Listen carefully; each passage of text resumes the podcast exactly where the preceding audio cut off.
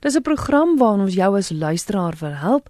Miskien het jy probleme op sekere gebiede, veral as dit by emosionele en sielkundige probleme kom, maar so heel gereeld gesels ek met mense van Elim Kliniek en spesifiek dan oor verslawing. Vanaand is my gas Susan van Niekerk, juis daar van Elim Kliniek. Goeienaand Susan. Goeienaand, Stel. Julle fokus nou gereeld op verslawing. Het nou 'n SMS deurgekom voor ons nou oor vanaand se tema gesels van iemand wat vra of dit moontlik is dat mens verslaaf kan raak aan slaap. Ja, Kristel, ek is nie spesifiek bewus van enige uh, kriteria wat 'n slaap vir weet verslawing ehm um, definieer nie. Maar ek dink net dat ehm um, verslawing ag slaap word wel deur baie mense gebruik as 'n ehm um, emosionele ontwrigtingsmeganisme en om of dinge wat in hulle lewe gebeur of sekere goed wat hulle self beleef te vermy. Maar daar kan ook so dat iemand kan emosionele oorsake wees of daar kan fisiologiese oorsake wees en ek sou sê dat as die persoon tot so 'n mate slaap dat dit 'n negatiewe impak het op enige faset van sy funksionering het, dan sou dit ook goed wees vir hierdie persoon om e eers net medies te gaan, weet en dat daar ondersoeke gedoen word om die probleem te verstaan of andersins is daar geen fisiologiese oorsake daarvan is nie. Ehm um, dit kyk na ehm um, daar se kundige of terapeute gaan om net die hele probleem te assesseer en te kyk wat is die moontlike oorsake daarvan. Dit kan byvoorbeeld 'n depressie kan dalk byvoorbeeld 'n probleem wees. So ek sal nie net nie daarna kyk as 'n verslawing nie. Goed. Vanaand gesels ons oor is verslawing die gevolg van 'n gebrekkige emosionele binding en gevolglike intimiteitsversteuring. Susan gee gou eers vir ons 'n bietjie agtergrond oor oor vanaand se onderwerp. Ja. Nou, of dit vanuit die siektemodel perspektief en ons het al baie daaroor gepraat, weet ons dat beide biologiese en omgewingsfaktore is wat verduidelikings gee weet wat bydra tot die ontwikkeling van 'n verslawing. Nou om die met die groeiende probleem van verslawing beter te verstaan, is daar altyd 'n voorgesiete soeke deur jou navorsers na beter begrip vir die probleem sodat ons beter weet mense kan help en beter intervensies kan maak. Nou een van hierdie omgewingsfaktore wat ondersoek en nagevors word op die oomblik, jy weet, waar oor daar baie geskryf en gepraat word, is die vraag van wat is die risiko wat swak of 'n negatiewe of 'n beperkte emosionele binding in Engels gebruik ons die woord um attachment, die ervarings wat mense as jong kinders beleef het skep vir die potensiële ontwikkeling van 'n verslawing. Nou as ons na verslawing ehm um, verwys, ons het nou baie oor die program gepraat van jou gedragsverslawings en jou chemiese verslawings. Ons praat nou met ek kwalifiseer dit nie noodwendig so nie, maar ons praat van al twee enige een van die twee kan dit wees. Nou die emosionele bindingsteorie gaan van die veronderstelling uit dat die aard van die kind se afhanklikheidsverhouding met sy primêre versorger, met ander woorde meeste van die tyd is dit die ouer en die impak wat die persoon het met ander woorde die versorger se hantering van die kind, die kind se selfwaarde het, die daai twee goed, dat dit later eh uh, uh, wanneer die kind volwasse is, baie spesifiek goed invloed het op die kind se vermoë om dan sy emosies te reguleer en te hanteer en dit ook bepalend is in opsigte van die kwaliteit en die aard van sy naby verhoudings. Nou Brené Brown sy doen nogal redelik baie navorsing op hierdie terrein. En ehm um, ek kyk spesifiek nou wat is die effek van emosionele binding, maar wat is ook die wat is die effek van die gebrek daaraan? En sy vind dat so baie mense van mense se aksies van wat hulle doen en hulle nie doen gedryf word deur 'n vrees vir verwerping deur ander en ook hierdie gevoel van ek is nie goed genoeg nie. Nou sy het gaan van die standpunt af uit dat as jy voel jy nie goed genoeg is nie of dit nie werd is om deur iemand anders liefgehad te word nie, dan funksioneer jy vanuit vrees in jou in jou verhoudings. Met ander woorde, jy het 'n vrees dat jy daardie persoon sal verloor. So en wanneer jy uit vrees funksioneer, dan is jy eintlik wat jy dan doen is so gee jy sekere goed rondom jouself prys. Wie jy is, wat jy is, ehm um, hoe wat jy regtig jou waardes en jou prioriteite is alles in 'n poging om hierdie spesifieke verhouding te behou. Dit hulle hulle praat van jy skep dan eintlik 'n gemanipuleerde verhoudingssituasie waar jy vermy om ten volle jou werklike self te wees en daarom kan jy nie die vlak van emosionele intimiteit beleef of daai kwaliteit van emosionele intimiteit beleef wat nodig is vir jou gesonde goed vir voortbestaan soos wat ons almal nodig het nie. En ons is, mense is neurologies, ons is so saamgestel, ons is sosiale wesens om naby emosionele verbintenisse met 'n ander persoon of persone te hê want vanuit hierdie verbintenisse word ons emosionele intimiteitsbehoeftes bevredig en ons gaan nou bietjie meer daarna kyk. Met ander woorde, ons het hierdie naby kwaliteitsverbintenisse nodig terwyl van ons ook lewing. En daarom is die vrees om daardie verbintenis te verloor so betekenisvol mense. En die effek om geen betekenisvolle intieme emosionele verbintenis te hê is nog 'n groter bedreiging vir mense. En dit is binne hierdie konteks wat ons vanaand nou van gaan praat oor um, verslawing. So dis so 'n bietjie van 'n 'n ander hoek hoe ons daarna gaan kyk. Susan, jou lyn is is bietjie van 'n swak kwaliteit. As jou selfoon by jou, kan ek jou moontlik dalk daarop skakel. Ehm um, ek kan hom gou kry. Goed. Ek gaan gou-gou 'n breek neem en dan daarna gesels ek en jy verder. Vanaand se tema is verslawing die gevolg van 'n gebrekkige emosionele binding en gevolglike intimiteitsversteuring. Susan van Niekerk is my gas. Sy's daar van Elim Kliniek. Bly ingeskakel. En ons is reg vir aksie steens regmaak om sy plek op die rusbank in te neem vir so 'n bietjie Olimpiese aksie. Ja nee, Paul, kyk hoe bol daai spiere met die afstandbeheer in sy hand, ongelooflik. Hy het sopas 'n pakkie skyfies oopgemaak. Dis amper tyd. Nee, met die grasie van 'n gimnas wip by rats op die rusbank meesterlik. Dis so dit gedoen moet word. Kyk hoe gemaklik lyk hy nou. Mooi so. Jou sitplek wag. Betaal jou TV-lisensie en jy kan een van 30 rusbank ervarings ter waarde van R30000 elk wen. Jy sal nooit weer jou rusbank wil verlaat nie. Besoek tvlec.co.za vir besonderhede. Besenfees geld. Let's go Rio 16. TV-lisensies. Betaal joune, maak 'n verskil. Sondag aande tussen 9 en 11 skuif opera liefhebbers nader in die radio vir Dis Opera.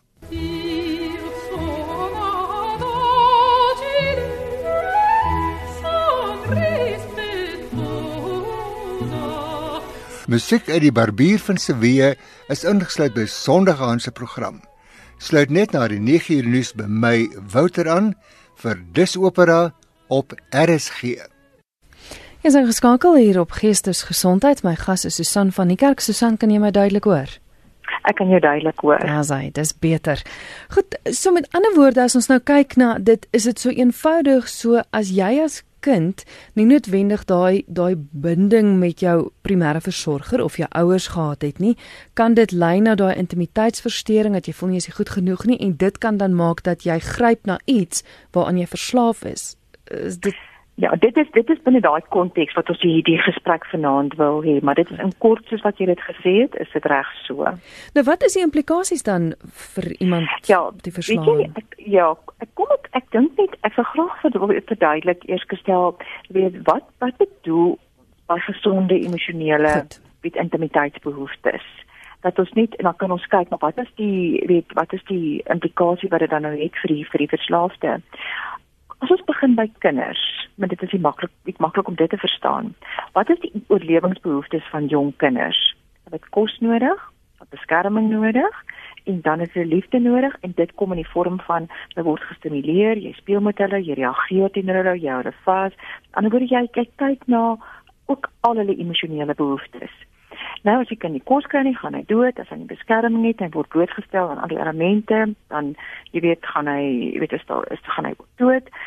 En wat gebeur as die kind nie liefde kry nie, as daar nie weet emosionele hegting en sekuriteit is nie, dan gaan die kind uh, affekteer die kind se emosionele ontwikkeling. Ons kan sê hy kan emosioneel dood en die, en ander woorde hy ontwikkel nie soos wat hy nodig het om te, te ontwikkel nie. Nou, as jy kyk na volwassenes die volwassene ook nodig om te eet, jy het ook beskerming nodig, maar jy het ook net soos die kind, het jy steeds emosionele behoeftes wat net binne die konteks van 'n naby verhouding bevredig kan word. En en vanuit hierdie naby verhouding spesifiek het hulle geleentheid vir jou emosionele intimiteit. En wat wat beteken emosionele intimiteit? Dit is wanneer jy in 'n verhouding is wat jy voel hier kan dit wees en ek kan myself wees en en presenteer in terme van wie ek is. Met ander woorde, ek laat hierdie persoon met wie ek 'n verhouding toe om my te sien in die hele pakkie, my tekortkominge, my gebreke, maar ook my my goeie kwaliteite, my drome, met my vrese en terselfdertyd is daai ander die ander persoon by wie ek is, is dieselfde teenoor my. Hmm. Met ander woorde, dit intimiteit is is 'n emosionele belewenis wat voortvloei uit 'n uh, 'n naby uh, verhouding uit. Nou net om 'n idee te kry van persone met wie luisteraars in emosioneel intiem was, net om 'n bietjie konteks te aan te gee. Kan kan hulle dieselfde die vraag afvra. Wie is die persoon by wie of met wie ek die veiligste gevoel het as jy kyk na jou hele lewensverloop? En dan ook wie is die persoon wat ek voel ek die meeste vertrou het?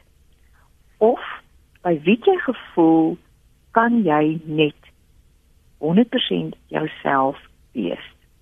Nou as ons net kan vers, bietjie verstaan en praat oor wat is hierdie emosionele afhanklikheid met volwasse behoeftes waarvan ons praat wat ons as mense almal nodig het en waarvoor ons mekaar nodig het net so 'n bietjie ehm um, bietjie meer spesifiek daarna praat.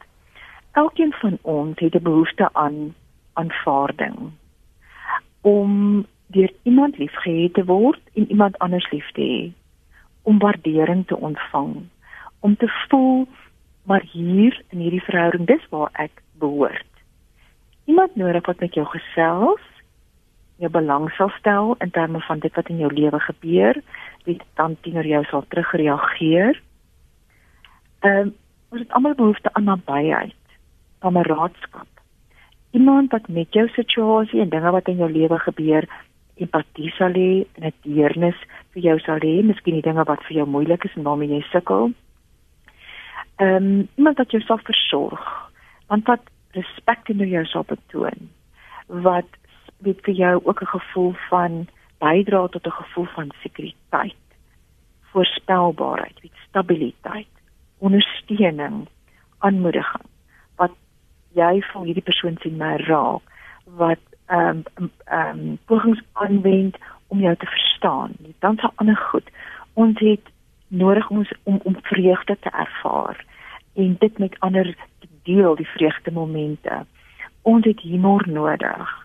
Ons het nodig om te ontspan en en en wanneer kry dit regtig waar sinvolle betekenis as ek dit met iemand anderster kan deel. En en en en soos wat jy soos hierdie emosionele goed nodig het, soos daar ook weet basiese ander goed nodig wat ons dis iets soos om aangeraak te word en dan met slaap en rus en al daai dinge. Nou dit is wat ons bedoel by emosionele afhanklikheidsbehoeftes en dit alleen kan bevredig word wanneer jy in 'n verhouding in 'n betekenisvolle verhouding met iemand anders staan. Hmm. Anoniem het 'n SMS gestuur wat sê: "Goeienaand, ek is verslaaf aan sjokolade. Ek eet elke dag 'n hele slab. Nou kom ek agter dat selfs al is dit koud, sweet ek wanneer ek sjokolade eet. Ek is 'n weeskind en ek is van eet al van kleins af. Ek is nou 'n groot vrou." Dis anoniem wat die SMS ingestuur het. Die feit dat sy 'n weeskind is, kan dit bydra tot tot die verslawing? Ehm um ek dink in die konteks ehm um, ek ek dink ons nou ek, ons ons ken nou nie die details van 'n mm. spesifieke situasie nie maar ek dink in die konteks wat ons vanaand gesels as hy van sekse weeskind ehm um, dit dit kan ons seker die afleiding maak dat daar probleme was met haar ehm um, as kind met haar naby jy weet met haar primêre versorgers en dit daar naby het aan hulle en wat dit dan lyk nou te, te wees is dat sy moontlik nou suiker weet en nou spesifiek in die vorm van sjokolade gebruik as 'n manier om haar ehm um, emosies te weet reguleer. Met ander woorde daar's 'n groot klomp goed wat ongelukkigheid weet veroorsaak en wat moontlike pyn wat sy dra en die suiker sjokolade raak 'n manier om soort van weet amper die, die gat vol te maak en en en haarself beter te laat voel. Mm. Dus ek dink dit is alreeds ehm um, die feit dat sy dit met ons kan deel en die die, die dinge bymekaar sit. Ehm um, dit is alreeds 'n erkenning dat dat hier 'n situasie is wat sy dalk nodig het om verder aan aandag te gee. Ek skies is nog 'n SMS van 'n Vrystater wat ook vra naand, kan dit dan die oorsaak wees waarom 'n mens kos as troos gebruik veral wanneer jy hartseer is. Ja, dis reg. Dit is ek dink dit sluit nou aan by ons vorige gesprek.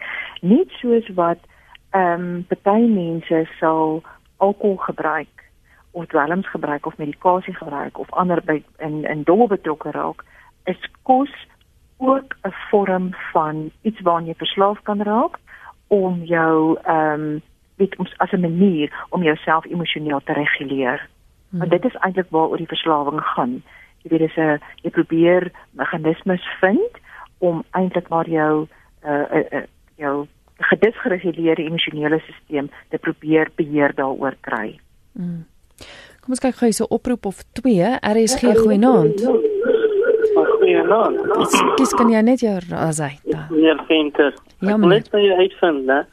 Ek sê geskeide persoon en uh my, my kinders se ma gebruik hierdie nyape, hierdie uh, kat en daai goed wat jy by straat op straat koop hier in Pretoria. Nou ehm um, het nou intussen verdwyn, maar sy bly nie meer nie, sy doseer by iemand. Nou wil ek julle weet, ehm um, sy het 11 uur Vrydagoggend verdwyn.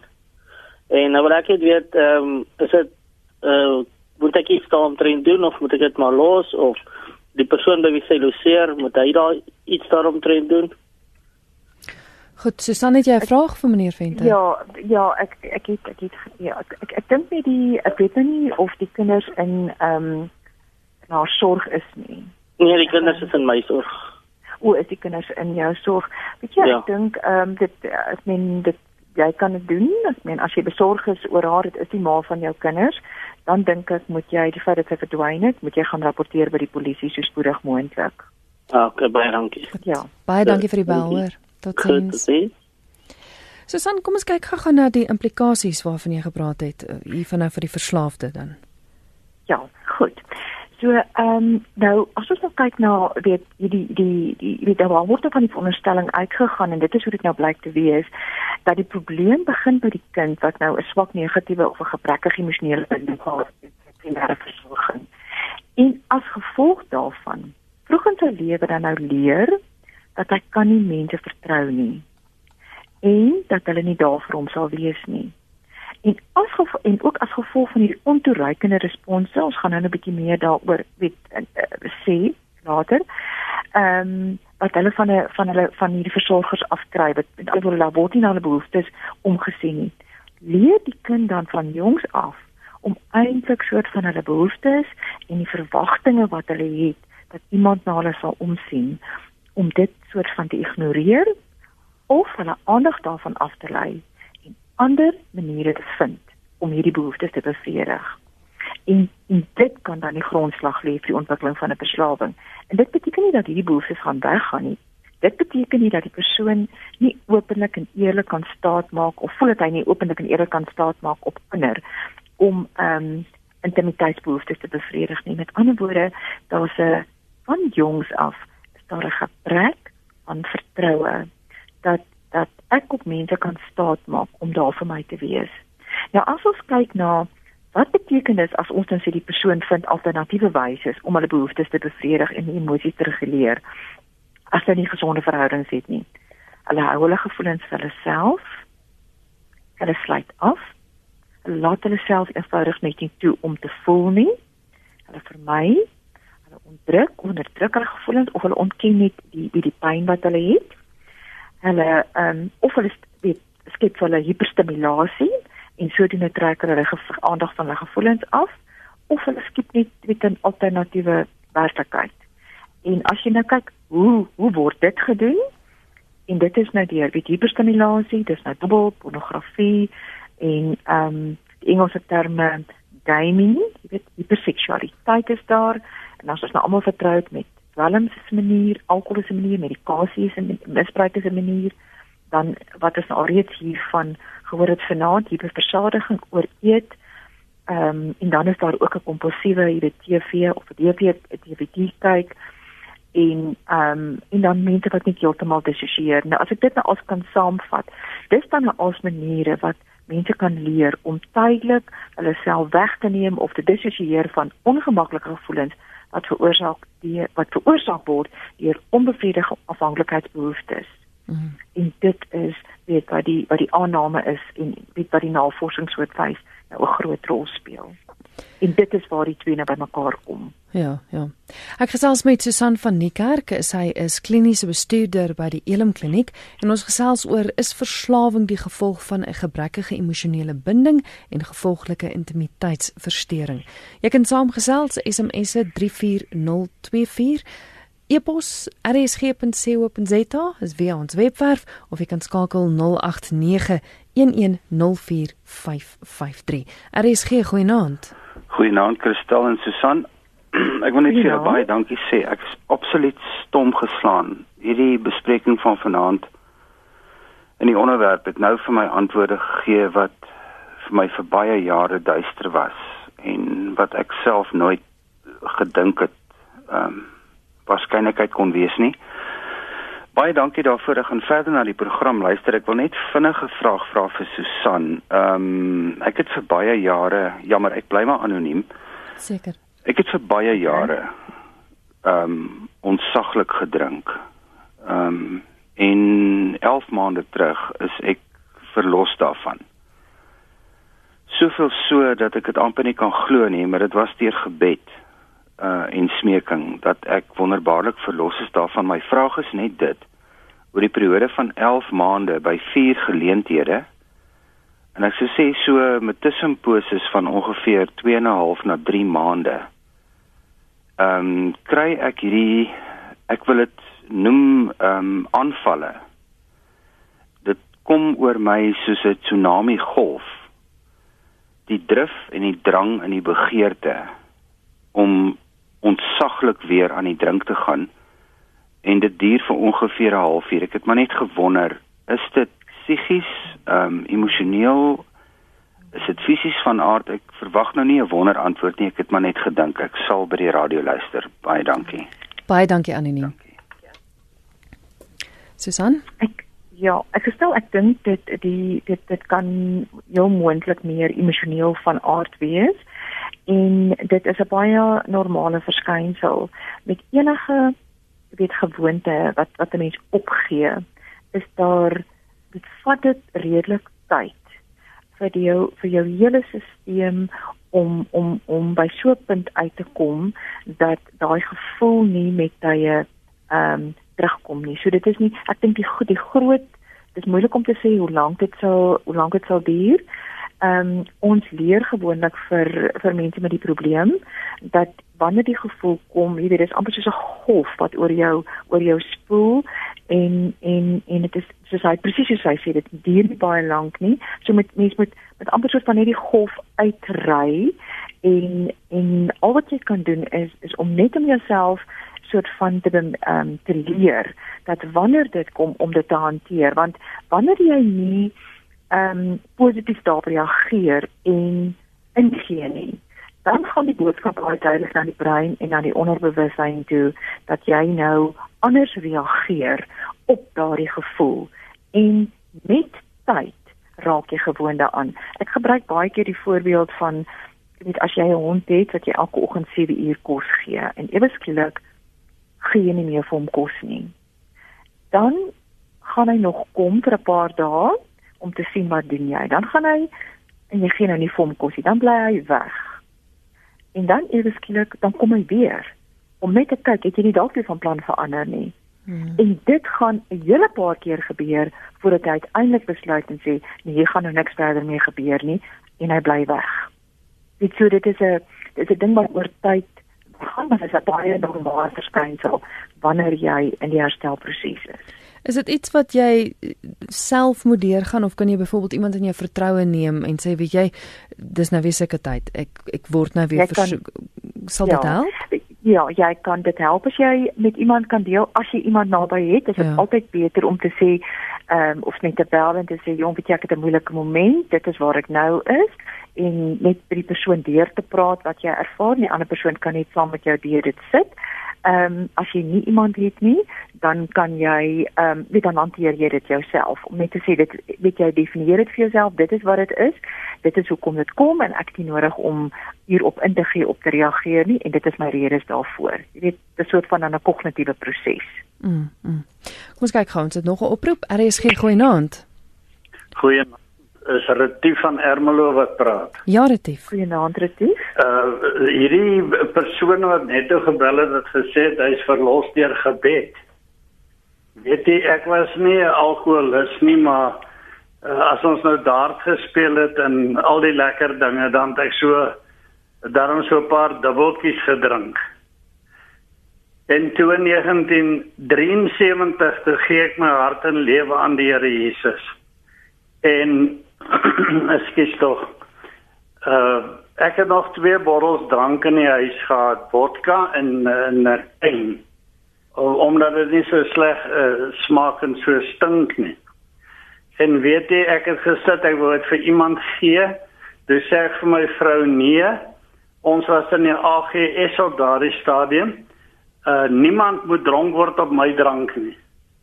En weet jy, 2 weke daarna toe kry ek by die by die werk 'n ontsettende lus om te drink. En ekskuus ek het by Coca-Cola gewerk en uh, die vloere was nog nie geteel nie. En ek het op daardie skurwe sement met my knie gaan kniel voor die toiletbak. Nie met 'n rede daar nie, maar nogtans my hande in die lug. En ek het gesê, Here, ek het besluit om U te dien. Neem asseblief hierdie drang van my weg. En weet jy dis weg tot vandag toe. So. Baie dankie vir die skakel. Dankie vir die getuienis, Retief. Ja. Jy weet ons besef nie altyd nie. Die Here is 'n werklikheid. Daar's krag in gebed en en die Here se se die vuur uit sy aangesig maak ander vure dood. So ek wil daai broeder net bemoedig en sê nou maar op jou kniegies en jy weet jy's verlos daarvan omdat die Hoë Rand dit vir jou gedoen het. Dankie dit. Dankie dat ek kon bel, hoor. Groot plesier, mooi aand vir jou. Vrede vir julle baie. Ja, so staan ek dink 'n wonderlike getuienis ook in om vir mense wat nog vasgevang is daarin daai daai hoop te gee. Altyd. Die hoop is is is, is krities. Ehm um, ek weet en ek dink die die uh, luisteraars wat ons het altyd mense wat hulle ervarings deel en ek dink nie hulle besef altyd die hoop wat gee vir ander wat wat nou hopeloos voel nie. Hmm. Susan voor die tyd ons inhaal anoniem het nou vroeër gesê hy het vanaand nou so baie geleer uit die program en ja. dinge het vir hom duidelik geraak.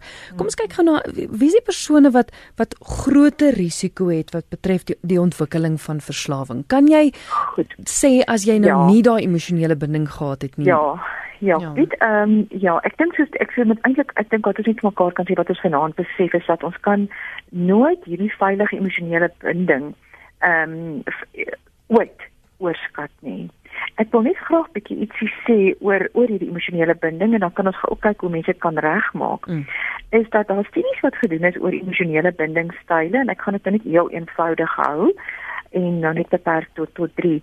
'n Kind wat 'n veilige emosionele binding gehad het, hierdie kind beleef dat sy versorger beskikbaar is, hy vertrou hy dit as vertrou kan word en want want sy versorger reageer toepaslik op sy behoeftes op alle vlakke, emosioneel, fisies, uh, op alle sy vlakke. So die wêreld voel vir hierdie kind veilig en die kind voel gemaklik dan om die, om die lewe te eksploreer en te ontdek, wetend dat hy 'n veilige plek het om na te gaan. Dan kry jy die angstige en die ambivalente emosionele binding. En die kind het nie veilig gevoel met sy versorger nie omdat die hantering en die versorger se reaksie tot die kind se behoeftes inkonsekwent was. Vandag kry ek 'n drukkie, môre kry ek vir dieselfde dinge pak slaag. Het nou net kan so vereenvoudig. Hmm. Dan die kind met 'n onveilige emosionele binding. Die kind se versorger was onsensitief of verwerpend ten opsigte van hulle behoeftes. En hulle raak dan hulle manier om dit te hanteer is hulle raak onafhanklik en hulle reik nie uit vir kontak wanneer hulle dan onder spanning of druk is nie. Met ander woorde, hulle leer absoluut om op hulle self aangewese te wees. Nou kinders met enige ander emosionele binding as 'n veilige binding leer dat dit nie saak maak wat hulle voel nie, want mense gee nie om nie. Nou dan kyk kry ons die die die wantroue. So die gevolgtrekking is ek sal oorleef sonder mense. Ek sal ander maniere vind om in die wêreld om te gaan die persoon raak dan maak hulle self los van mense, maar onthou net hierdie goed wat ons nou oor praat is nie bewustelike goed wat mense dink nie. Dis als deel van die onbewuslike prosesse. So ek maak my los van mense, maar hulle hulle kan egter verder gaan dat hulle ook soort van losmaak van hulle liggaam en ehm um, van hulle self en van hulle emosionele ervarings. En wanneer hierdie goed diep gewortel lê, dan kan dit wees dat jy 'n persoon kry wat leef in 'n veg of 'n vlugaksie of net in 'n totale weet ehm um, weet emosionele afgestomptheid. En en en en daarom kry jy dat verslaafdes en selfs ook mense wat trauma oorleef het, hulle sê hulle self, hulle vra nie ondersteuning nie. Hulle laat nie hulle self toe om kwesbaar te wees om verdere seer kry en verwerping te te vermy. Sodoende kry hulle die ondersteuning wat hulle nodig het, soos wat almal van van ons dit nodig het nie. En hierdie pyn, emosionele pyn wat voortvloei uit hierdie gebrekkige emosionele binding en al daai goed wat ek net nou genoem het wat hulle nie kry nie, is is so intens die wie die effek daarvan dat hierdie persoon dan enige iets sal doen om hulle aandag weg weg te uh, te lei ongeag of dit destruktief is solank die persoon net kan um, beter voel. Mm. Maar nou kan jy weet rondom dit is dan nog baie weet wat ons kan sê, maar sommige verslaafdes moet ek nou sê het wel veilige emosionele verbintenisse gehad as kinders, maar daar kan 'n genetiese predisposisie wees tot afhanklikheid of hulle kan 'n genetiese samestelling hê met gebreke wat 'n invloed het op hulle vermoë om jy weet tot emosionele verbintenisse of daar kom dis daar's mense wat traumas beleef het, kindertraumas, volwasse traumas of verliese in hulle volwasse lewe beleef het wat hulle net oorweldig het en wat hulle kwesbaar gemaak het vir die ontwikkeling van 'n verslawing of net nie die nodige vaardighede het om hierdie goed te hanteer nie. Dit ons kan ander baie nie verstaan en ek het oorsaaklik meer net geklem gelê op die op die binding. Mm -hmm. Ek dink as daar tyd is kan ons dalk gou kyk hoe kan ons hierdie goed regmaak. Tydelik, dis waar by ons wil uitkom. Ek wil net gou SMS vraag kan ons daarna kyk of dit daar 'n vraag is. Ek het net gou SMS of twee my man het van baba daar verwerping ervaar as gevolg van omstandighede buite sy moeder se beheer. Hy is al in sy 60er jare en hy's totaal en al verslaaf aan Facebook. Hy's letterlik elke moontlike oomblik daarop dag en nag. Dit veroorsaak natuurlik dat ek en sy vrou totaal en al vereensaam in ons huwelik. Ek werk verskriklik hard aan ons verhouding, maar ek raak emosioneel moeg omdat alles van my kant af kom. Ja. Ehm um, ek dink sy sy gee vir ons met 'n baie praktiese voorbeeld wat wat gebeur is dat die persoon wat verslaaf is, met ander woorde, ehm um, dit dit neem sy gedagtes op, dit neem sy tyd op, daar's 'n preokkupasie, dis dis alwaarmee hy besig is. So sy verhouding is dan nou met Facebook en hy kan nie met Facebook 'n verhouding hê en terselfdertyd met haar 'n intieme verhouding hê nie. Dis of die een of die ander, die twee slaap in dieselfde uh, mandjie saam nie. En en dit wat sy gaan beleef is presies wat die werklikheid is. Dit gaan dalk vir haar goed wees om dalk 'n beraader of iemand te gaan sien. Ehm um, weet dat sy kan kyk na funksionele maniere wat wat, wat sy dalk hierdie hele probleem kan ehm um, hanteer. Dis 'n program van hoop, so sê vir ons asseblief hoe herstel mens dit? Goed, ja. Met ander woorde, as as jy dit nie gehad het nie, beteken dit nie dat dat as jy nie emosionele binding gehad het nou is dit nie is verby met jou nie. Ek sou sê ek sou vir mense wat in hierdie situasie sit, aanbeveel om sluit by 'n ondersteuningsgroep aan. Dis 'n goeie beginpunt. Meeste van ons weet dit is afhangend van wat dan jou wat nou die afhanklikheidsprobleem is. Weet, maar meeste van ons ken die AA, weet die alkoholiste anoniem wat oor kades bestaan en soos wat jou tipes verslawing nou toegeneem het, het dit dan nou baie ander groepe wat ook gevolg het soos jou ehm um, dan ongelukkig nou net in Engels is Asia Canvas Anonymous in a Narcotics Anonymous, Overeaters Anonymous, jou SLA, dit is jou Sex Love Addicts Anonymous, en dan is daar ook ehm um, CODA, dit is jou co-afhanklike Anonymous en hulle werk almal presies op dieselfde beginsels. Nou wat is dit wat hulle bied? Daar's 'n gemeenskap die mense wat na daai groepe toe gaan het 'n gemeenskaplike probleem.